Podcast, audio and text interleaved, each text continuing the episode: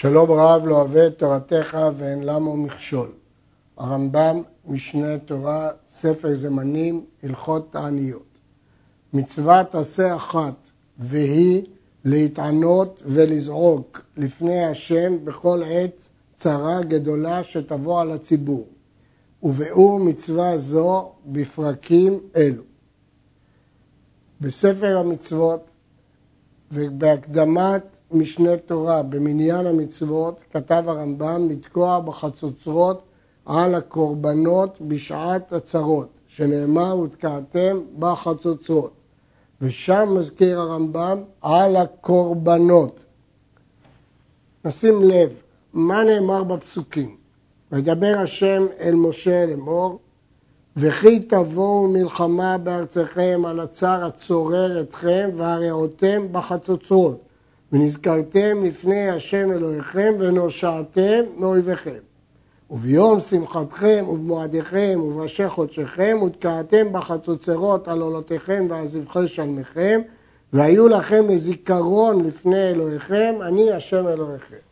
אם כן בפסוקים מוזכרת תקיעה בחצוצרות פעמיים, על הקורבנות ועל הצר הצורר אתכם. הרמב"ם ראה איזה מצווה אחת עם פרטים שונים. הוא לא הבין שיש פה שתי מצוות שונות, אחת שקשורה לקורבנות ואחת שקשורה לצרות, אלא זאת מצווה אחת לזעוק ולהריע לפני השם. והמגיד משנה דן מדוע ראה את זה כמצווה אחת ולא כשתיים. ברור שהרמב"ם ראה פה יסוד אחד. נוסף לכך, הרמב"ם מזכיר גם את התענית, למרות שהתענית היא מתקנת חכמים, אבל הכלל של החצוצרות הוא להריע, והריעותם בחצוצרות, ונזכרתם לפני השם אלוהיכם. לכן כל העניין של תפילה, תענית, זיכרון, נכלל אצל הרמב"ם במצווה הזאת. עוד עלינו להעיר, שלכאורה בפסוק מדבר רק על חצוצרות במלחמה, הצר הצורר אתכם. אבל רבותינו למדו מן הריבוי הצר הצורר אתכם, לא רק אויביכם, אלא גם הצרות השונות. הצר לא במובן של אויב, כי כבר כתוב אויב, אלא במובן של צרות. מצוות עשה מן התורה לזעוק ולהריע בחצוצרות על כל צרה שתבוא על הציבור, שנאמר על הצר הצורר אתכם והריעותם בחצוצרות. כלומר, כל דבר שיצר לכם, כגון בצורת ודבר והרבה וכיוצא בהן, זעקו עליהן והריעו. לא רק אויבים, אלא גם צרות שונות, הצער הצורר אתכם. ודבר זה דרך מדרכי התשובה היא, שבזמן שתבוא צרה ויזעקו לה ויריעו, ידעו הכל שבגלל מעשיהם הרעים הוא עליהם. ככתוב עוונותיכם ייטו אלה לכם, וזהו שיגרום להם להסיר הצרה מעליהם. אבל אם לא יזעקו ולא יריעו, אלא יאמרו דבר זה ממנהג העולם הרע לנו, וצרה זו נקרו נקראת, הרי זו דרך אכזריות, וגורמת להם להידבק במעשיהם הרעים, ותוסיף הצרה צרות אחרות. ראו שכתוב בתורה, והלכתם עמי בקרי, והלכתם עליכם בחמד קרי. כלומר, כשאביא עליכם צרה כדי שתשובו, אם תאמרו שהוא קרי, אוסיף עליכם חמת אותו קרי. וכן מפרש הרמב"ם, שמטרת הצעקה בחצוצרות היא לא כדי להשמיע משהו לפני השם, אלא כדי שאנחנו נתעורר, כמו שפירש הרמב"ם בראש השנה, שמטרת תקיעת השופר בראש השנה כדי שהאדם יתעורר, כך כאן מטרת הזעקה בחצוצרות היא כדי שאנחנו נתעורר, וזה סוג מדרכי התשובה. כמו שבתשובה אנחנו צריכים להתעורר לתשובה ולשים לב לחטאינו, תשומת הלב של הזעקה לפני השם תהיה מכוונת שהצרות באות על עוונות, ולכן אדם צריך לחזור בו בתשובה מעוונות. ומוסיף הרמב"ם, שאם אדם לא מתעורר כתוצאה מהצרות, אלא רואה בהם מקריות, דבר מקרה, מנהג העולם, ולא מפשפש במעשיו לבדוק את עוונותיו, זאת דרך אכזריות. מדוע? כי אם הצרה לא משיגה את מטרתה לעורר את האדם לתשובה, הרי יש צורך בצרה יותר גדולה כדי לעורר את האדם. ולכן אם אדם לא מתעורר מצרה, זו דרך אכזריות שהיא מוסיפה על הציבור צרות גדולות יותר כדי לעורר אותם. ועל כן המצווה הזאת היא מדרכי התשובה. ומדברי סופרים, להתענות על כל צרה שתבוא על הציבור עד שירוחמו מן השמיים. ובימי התעניות האלו זועקים בתפילות ומתחננים ומרעים בחצוצרות בלבד. ואם היו במקדש, מרעים בחצוצרות ובשופר. השופר מקצר והחצוצרות מאריכות, שמצוות היום בחצוצרות. ואין תוקעים בחצוצרות ושופר כאחד, אלא במקדש, שנאמר בחצוצרות וקול שופר, הריעו לפני המלך השם. ובכן, יש חילוק בין המקדש לבין הגבולים. במקדש, על כל צרה שלא תבוא על הציבור, מרעים בשופר ובחצוצרות, שנאמר בחצוצרות וקול שופר. אבל שלא כמו בראש השנה, חצוצרות מאריכות ושופר מקצר, כי עיקר המצווה בחצוצרות. אבל בגבולים, רק בחצוצרות. זאת שיטת הרמב"ם, יש שיטות אחרות שאפשר בשופר ואפשר בחצוצרות, אבל לפי הרמב"ם בגבולים רק בחצוצרות. עוד מוסיף הרמב"ם שמדברי סופרים להתענות עד שירוחמו מן השמיים. ובימי התעניות האלה זועקים בתפילה ומתחננים ומריעים בחצוצרות, כפי שכל זה יבוא באריכות ובפירוט לקמן. הלכה ה' תעניות אלו שגוזרין על הציבור מפני הצרות אינם יום אחר יום, שאין רוב הציבור יכולים לעמוד בדבר זה, ואין גוזרים כתחילה תענית אלא בשני בשבת ובחמישי שלאחריו ובשני שלאחריו, וכן על סדר זה שני וחמישי ושני עד שירוחם. ובכן התעניות האלה של הציבור, לא גוזרים אותם ברצף. מדוע, אומר הרמב"ם? מפני שאין רוב הציבור יכולים לעמוד בדבר זה. יש שרצו לדייק מכאן שיחידים יכולים, כי הרמב"ם מנמק שהטעם הוא רק מפני שהציבור לא יכול לעמוד בדבר זה. עוד יש להעיר, שהרמב"ם אומר שתמיד מתחילים בשני. התעניות היו תמיד בשני וחמישי, שהם ימי ההתכנסויות, כפי שראינו במסכת מגילה, אבל תמיד מתחילים בשני. גם הסבבים הבאים, לא רק הסבב הראשון, שני וחמישי ושני, אלא כל הסבבים הם משני וחמישי ושני. והרמב"ם לא כתב פה את הטעם, מדוע מתחילים דווקא בשני ולא הזכיר את הנימוק. אבל הנימוק מוזכר, כך כותב הרמב"ם בפירוש המשנה, שלא יעלו השערים ויוכרו המחירים לפי שהמוכרים אומרים לולא הצורך הגדול למטר לא היו גוזרים תענית סמוך לשבת. כלומר, לפי הרמב"ם, הטעם שלא מתחילים בחמישי, כי המוכרים ינצלו את העובדה שגזרו תענית סמוך לשבת כדי לייקר את השערים.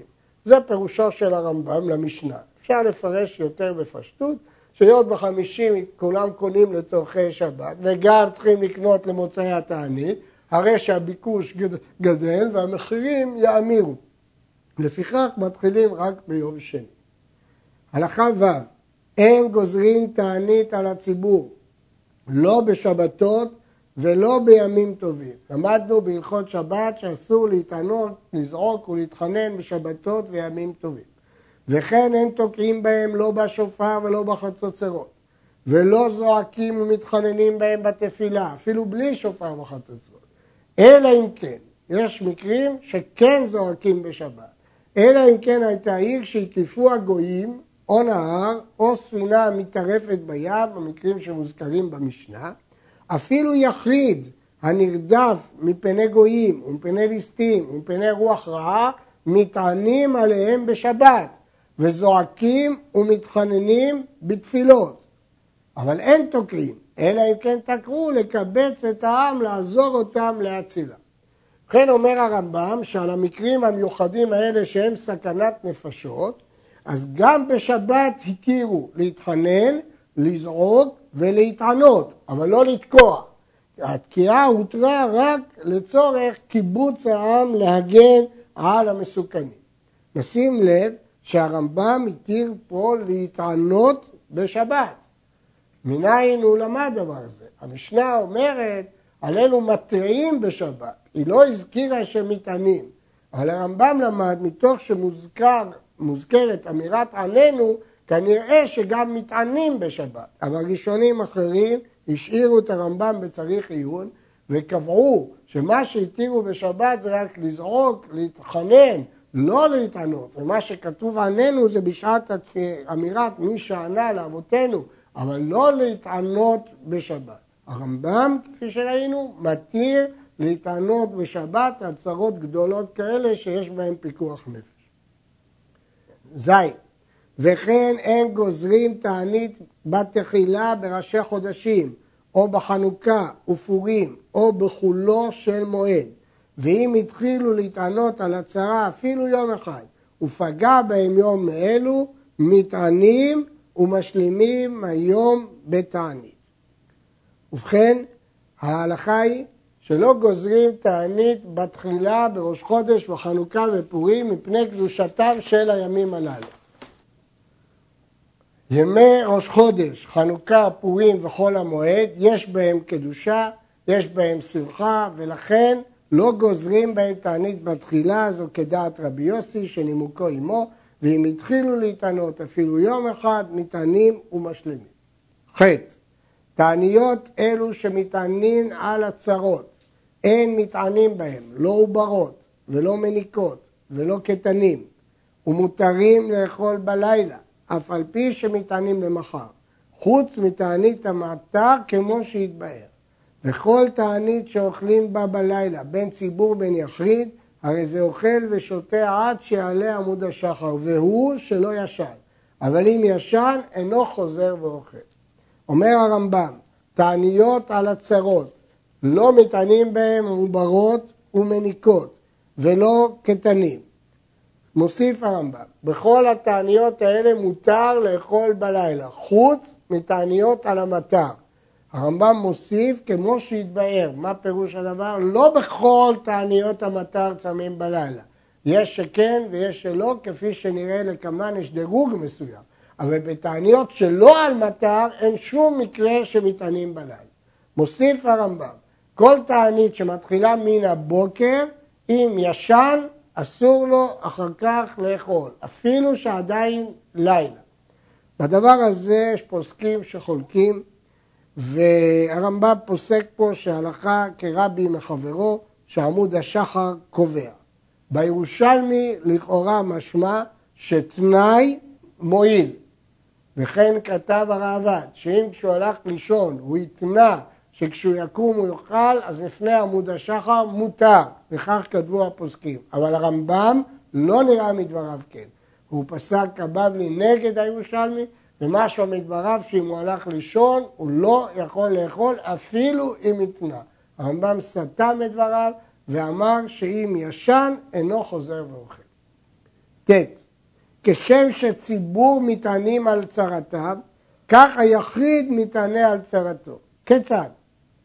הרי שהיה לו חולה, או טועה במדבר, או אסור בבית האסורים, יש לו להתענות עליו ולבקש רחמים בתפילתו, ואומר עננו בכל תפילה שמתפלל, ולא יתענה בשבתות ולא במועדות ולא בראשי חודשים ולא בחנוכה ופורים.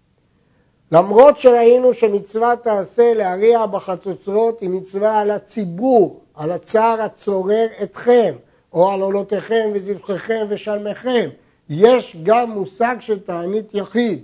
כאשר יחיד יש לו צרה, היחיד מתענה. משמע מלשון הרמב"ם שזה חיוב.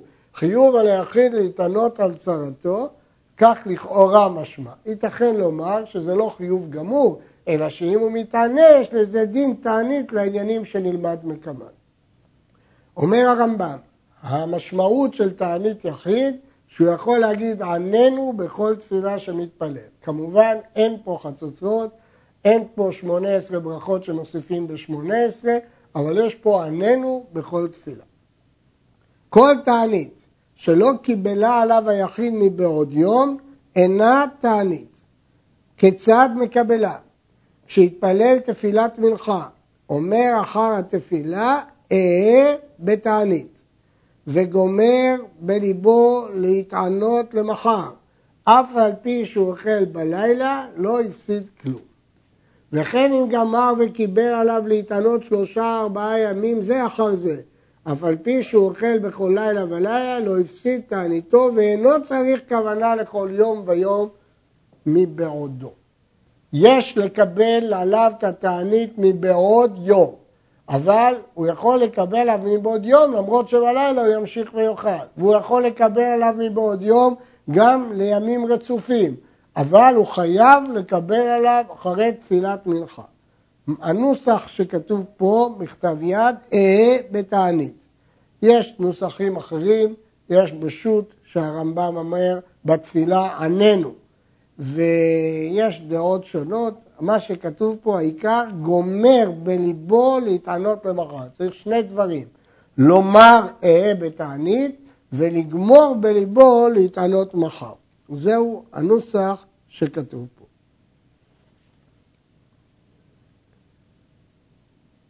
י"א קיבל עליו מבעוד יום להתענות למחר בלבד, והתענה, וללילה נמלך להתענות ביום שני, אף על פי שלן בתעניתו אינה תענית, פני שלא קיבלה עליו מבעוד יום.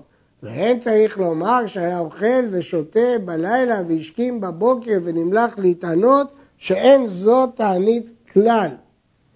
כלומר, אומר הרמב"ם, אם אדם קיבל עליו להתענות למחר, והוא לא קיבל עליו מראש להתענות לכמה ימים, אלא ליום אחד, ואחר כך הוא החליט להתענות כמה ימים, אפילו שהוא לא אכל בינתיים, לא מועילה הקבלה הראשונה, כי הקבלה הראשונה הייתה קבלה ליום אחד בלבד, כל שכן אם הוא אכל בינתיים בלילות. לכן כל תענית צריכה קבלה. אמנם, אם היה מקבל מראש לכמה ימים, היה מועיל, אבל הוא חייב לקבל עליו. הרואה חלום רע צריך להתענות למחר כדי שישוב ויעור למעשיו ויחפש בהם ויחזור בתשובה. הוא מתענה ואפילו בשבת. הוא מתפלל עננו בכל תפילה, אף על פי שלא קיבלה עליו מבעוד יום. והמתענה בשבת, מתענה יום אחר, מפני שביטל עונג שבת. ובכן, הרמב"ם פוסק שהחולם חלום רע צריך להתענות למחר. מדוע? הרי הרמב"ם בהלכות מעשר שני פסק שדברי חלומות לא מעלים ולא מורידים. ואם כן, מדוע הוא פסק פה שצריך להתענות? התשובה היא, בענייני ממונות כמובן דברי חלומות לא מעלים ולא מורידים, ובענייני מעשרות. אבל להעיר את האדם, לעורר את ליבו, להחזיר אותו בתשובה, זה יש משמעות לחלום רע. לעורר אותו, לחפש במעשיו. ויכול להתענות אפילו בשבת, הגמרא אומרת יפה תענית לחלום כאש מנעורת ואפילו בשבת. ומתפלל עננו בכל תפילה. משמע מהרמב"ם שעננו גם במנחה, אף על פי שלא קיבלה עליו מבעוד יום. והמתענה בשבת, מתענה יום אחר מפני שביטל עונג שבת. יושב תענית לתעניתו כדברי הגמרא. הלכה י"ג מתענה אדם שעות, והוא שלא יאכל כלום שאר היום. כיצד? הרי שהיה טרוד בחפציו ומתעסק בצרכיו ולא אכל עד חצות או עד תשע שעות ונמלך להתענות בשעות שנשארו מן היום, הרי זה מתענה אותן שעות ומתפלל בהן עננו, שהרי קיבל עליו התענית קודם שעות התענית. אם אדם התברר לו שחלק מהיום הוא לא אכל, ואז הוא החליט להמשיך להתענות בשעות הנותרות עד סוף היום, הוא יכול להתענות ויעלו לו כתענית שעות, למרות שאת השעות הראשונות של היום הוא לא קיבל מאתמול, והם לא יעלו לו לתענית, אבל סוף סוף הוא לא אכל בהם, והוא קיבל עליו לפני השעות הנותרות להתענות בהם, ולכן זה נחשב לתענית שעות. יש דנים האם הקבלה הזאת צריכה להיות בתפילה, כמו ביום רגיל, או לאו דווקא בתפילה. לכאורה פשוט שלא מעכב את התפילה. העיקר שהקבלה תהיה לפני התענית, עיין באור שמח. וכאן מוסיף הרמב"ם הלכה, וכן אם אכל ושתה, ואחר כך התחיל להתענות שאר היום, הרי זו תענית שעות. מוסיף הרמב"ם, שגם אם הוא אכל ושתה, ובשאר היום רוצה להתענות, זאת נחשבת תענית שעות. על דבר זה מקשה הראב"ד בנושא כלים ראשונים ואחרונים. איפה מצינו דבר זה שאדם אכל ושתה ושאר היום יחשב לו לתענית? הרשב"א כותב בתשובה שהרמב"ם חזר בו מהלכה זאת. יש שמביאים מקור פה בספר יד פשוטה בתשובות הגאונים, אבל ברור שזאת הלכה מייחודית שראשונים אחרים חולקים עליה ואומרים שלא ייתכן שהוא יאכל חלק מהיום ובשאר היום יהיה תענית, כפי שהרעב"ד מוכיח פה מלשון הגמרא. כל השרוי בתענית, בין שהיה מתענה על צרתו או על חלומו, בין שהיה מתענה עם הציבור על צרתה, הרי זה לא ינהוג עידונים בעצמו ולא יקל ראשו ולא יהיה שמח וטוב לב, אלא דואג ואונן. כעניין שנאמר, מה יתאונן אדם חי, גבר על חטאיו, ומותר לו לטעום את התבשיל, ואפילו בכדי רביעית, והוא שלא יבלע, אלא טועם ופולט. שכח ואכל, משלים תעניתו. כן הרמב"ם פוסק שלא די לו לאדם להיות בתענית, אלא הוא צריך להרגיש הרגשה של התאוננות, של כאב, של דאגה על חטאיו, של צער, שהיא עיקרה של התענית, ולא רק העובדה שהוא לא אוכל ושותה. מטעמת, כלומר לטעום ולפלוט, מותר, אפילו כדי רביעי. שכח ואכל, לא נאמר שהיות שהוא כבר אכל אין משמעות לתענית, אלא משלים את תעניתו. יחיד שהיה מתענה על החולה ונתרפא, על צרה ועברה, הרי זה משלים תעניתו. ההולך ממקום שמתענים למקום שאין מתענים, הרי זה מתענה ומשלים. הלך ממקום שאין מתענים למקום שמתענים, הרי זה מתענה עמהם. שכח ואכל ושתה, אל יתראה בפניהם, ואל ינהוג עידונין בעצמו. נשים לב שהרמב"ם לא חילק פה אם דעתו לחזור או לא דעתו לחזור, אלא כתב סתם שנותנים עליו חומרי מקום שיצא משם, אם הוא יצא ממקום שמטענים, וחומרי מקום שהלך לשם, אם הוא הלך למקום שמטענים, לא יתראה בפניהם, כפי ההלכה של מנהג המקום. הרמב"ם ממשיך, ציבור שהיו מטענים על הגשמים וירדו להם גשמים אם קודם חצות לא ישלימו, אלא אוכלים ושותים ומתכנסים וקוראים הלל הגדול, שאין אומרים הלל הגדול אלא בנפש שבעה וחרס מלאה. ואם אחר חצות, הואיל ועבר רוב היום בקדושה, ישלימו תעניתם. זאת מחלוקת תנאים במשנה, והרמב"ם פוסק בה שחצות היום קובע.